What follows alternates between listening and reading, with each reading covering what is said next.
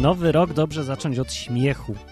I mogę to zrobić na dwa sposoby. Albo napisać długą, analityczną rozprawkę o tym, czym jest śmiech w Biblii jaką pełni funkcję, albo opowiedzieć kawał.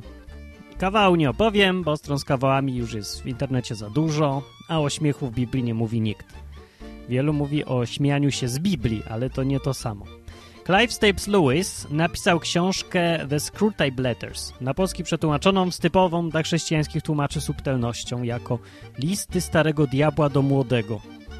Książkę można w skrócie opisać yy, tak. Są to listy starego diabła do młodego. Kropka. Dobrze, że amerykańscy chrześcijanie nie piszą kryminałów, bo by polscy tłumacze nadawali tytuły w stylu Zagadka zbrodni chrześcijańskiego pisarza, którego zabił ogrodnik satanista.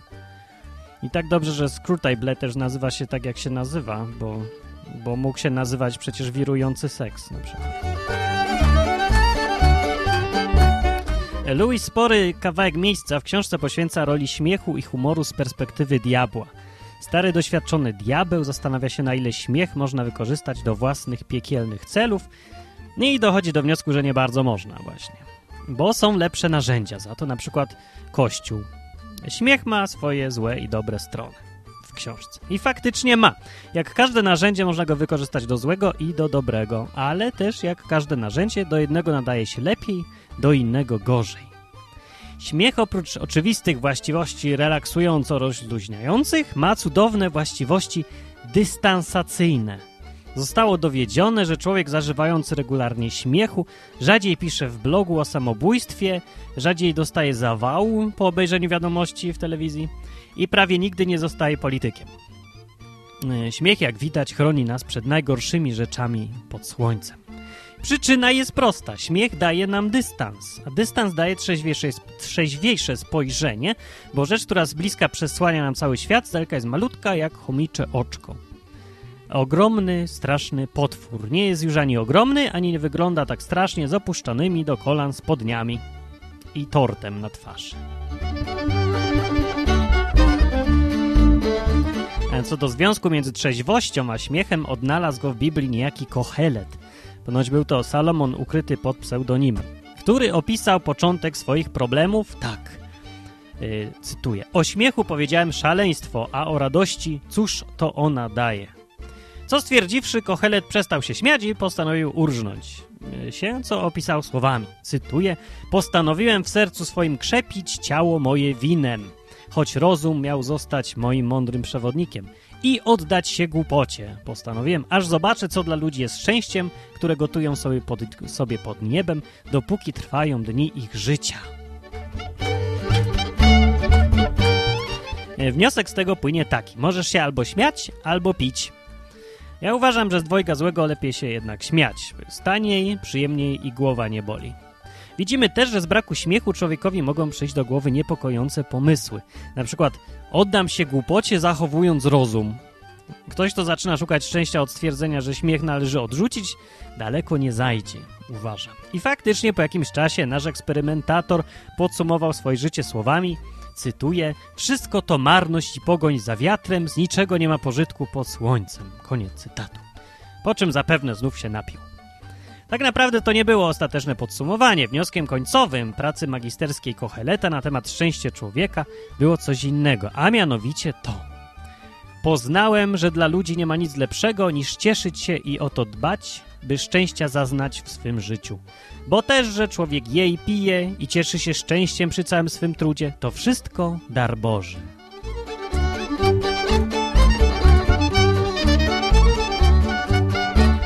Tak więc Kochelet spędził wiele trudnych, mozolnych, długich lat, aby dojść do tego samego wniosku, który odrzucił na początku, że jedyne co ma sens w życiu to cieszyć się, śmiać, i pić.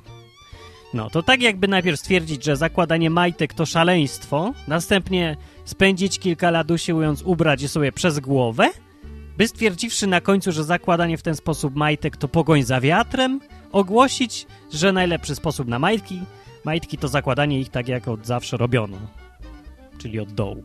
Nie ma tak jak dobrze przeżyte życie.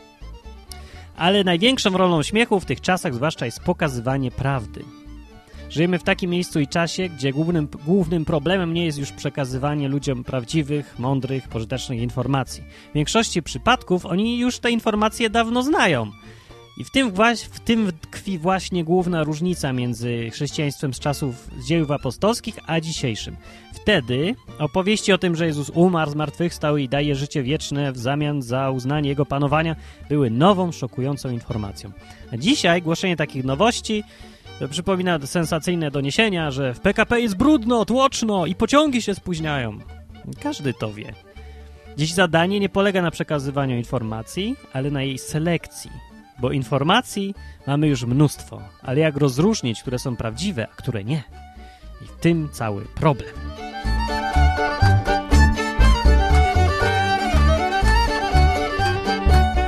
Prawdy należy szukać i prawdę należy mówić. To jest oczywiste. Każdy ma interes w tym, żeby to, w co wierzy, okazało się prawdą. Niezależnie od tego, czy chodzi o życie wieczne, czy kupno używanego samochodu, czy wybór towarzystwa ubezpieczeniowego. W każdym przypadku prawda się opłaca.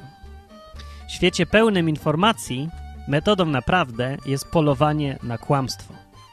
Pokaż, co jest kłamstwem, a prawda sama się pokaże. Jak jedno niepodkreślone na czerwono przez Worda słowo w rozprawce szkolnej przeciętnego maturzysty. Wyjdzie na wierzch. I tutaj pojawia się śmiech, e, niczym ubrany w koszulę nocną rycerz na białym koniu, bo śmiech jak nic innego potrafi obnażać kłamstwo, Jedno ośmieszające porównanie ma większą siłę rażenia niż długie analizy dowodzące naukowo, że czarne jest czarne, a białe jest białe.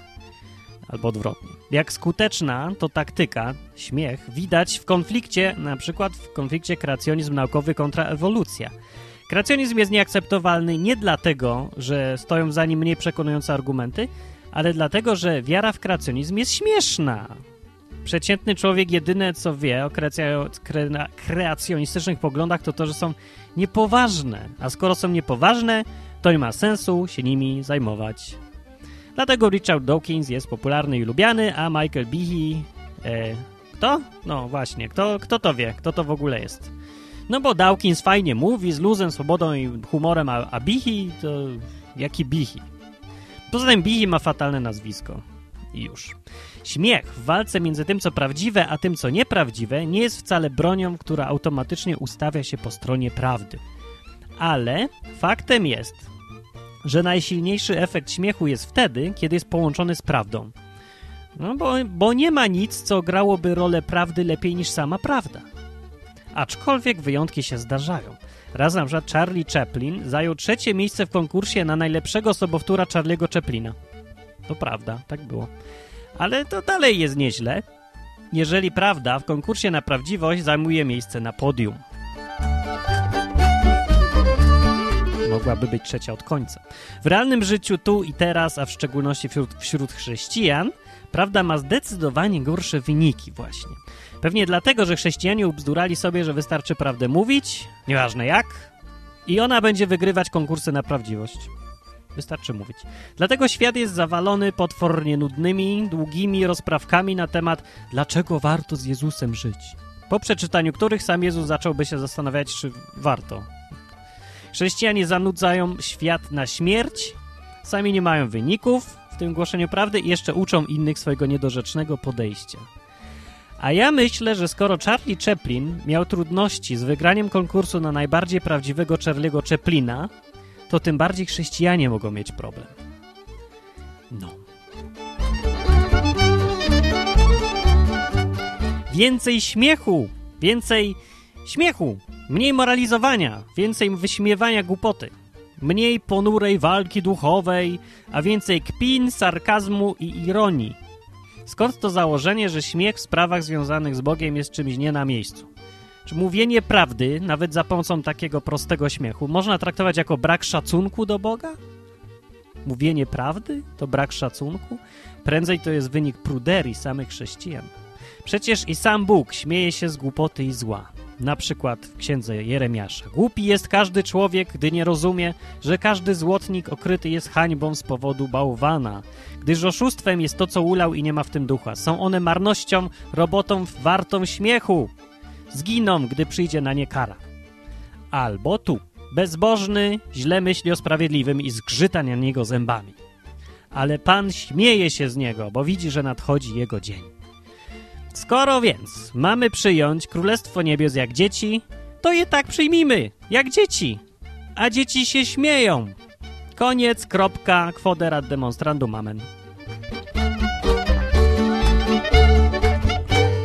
I martwi mnie w tym tylko jedno, że brak śmiechu naszego powszedniego wśród chrześcijan spowodowany może być nie tyle brakiem woli, co możliwości. Bo jak powszechnie wiadomo, poczucie humoru idzie w parze z inteligencją.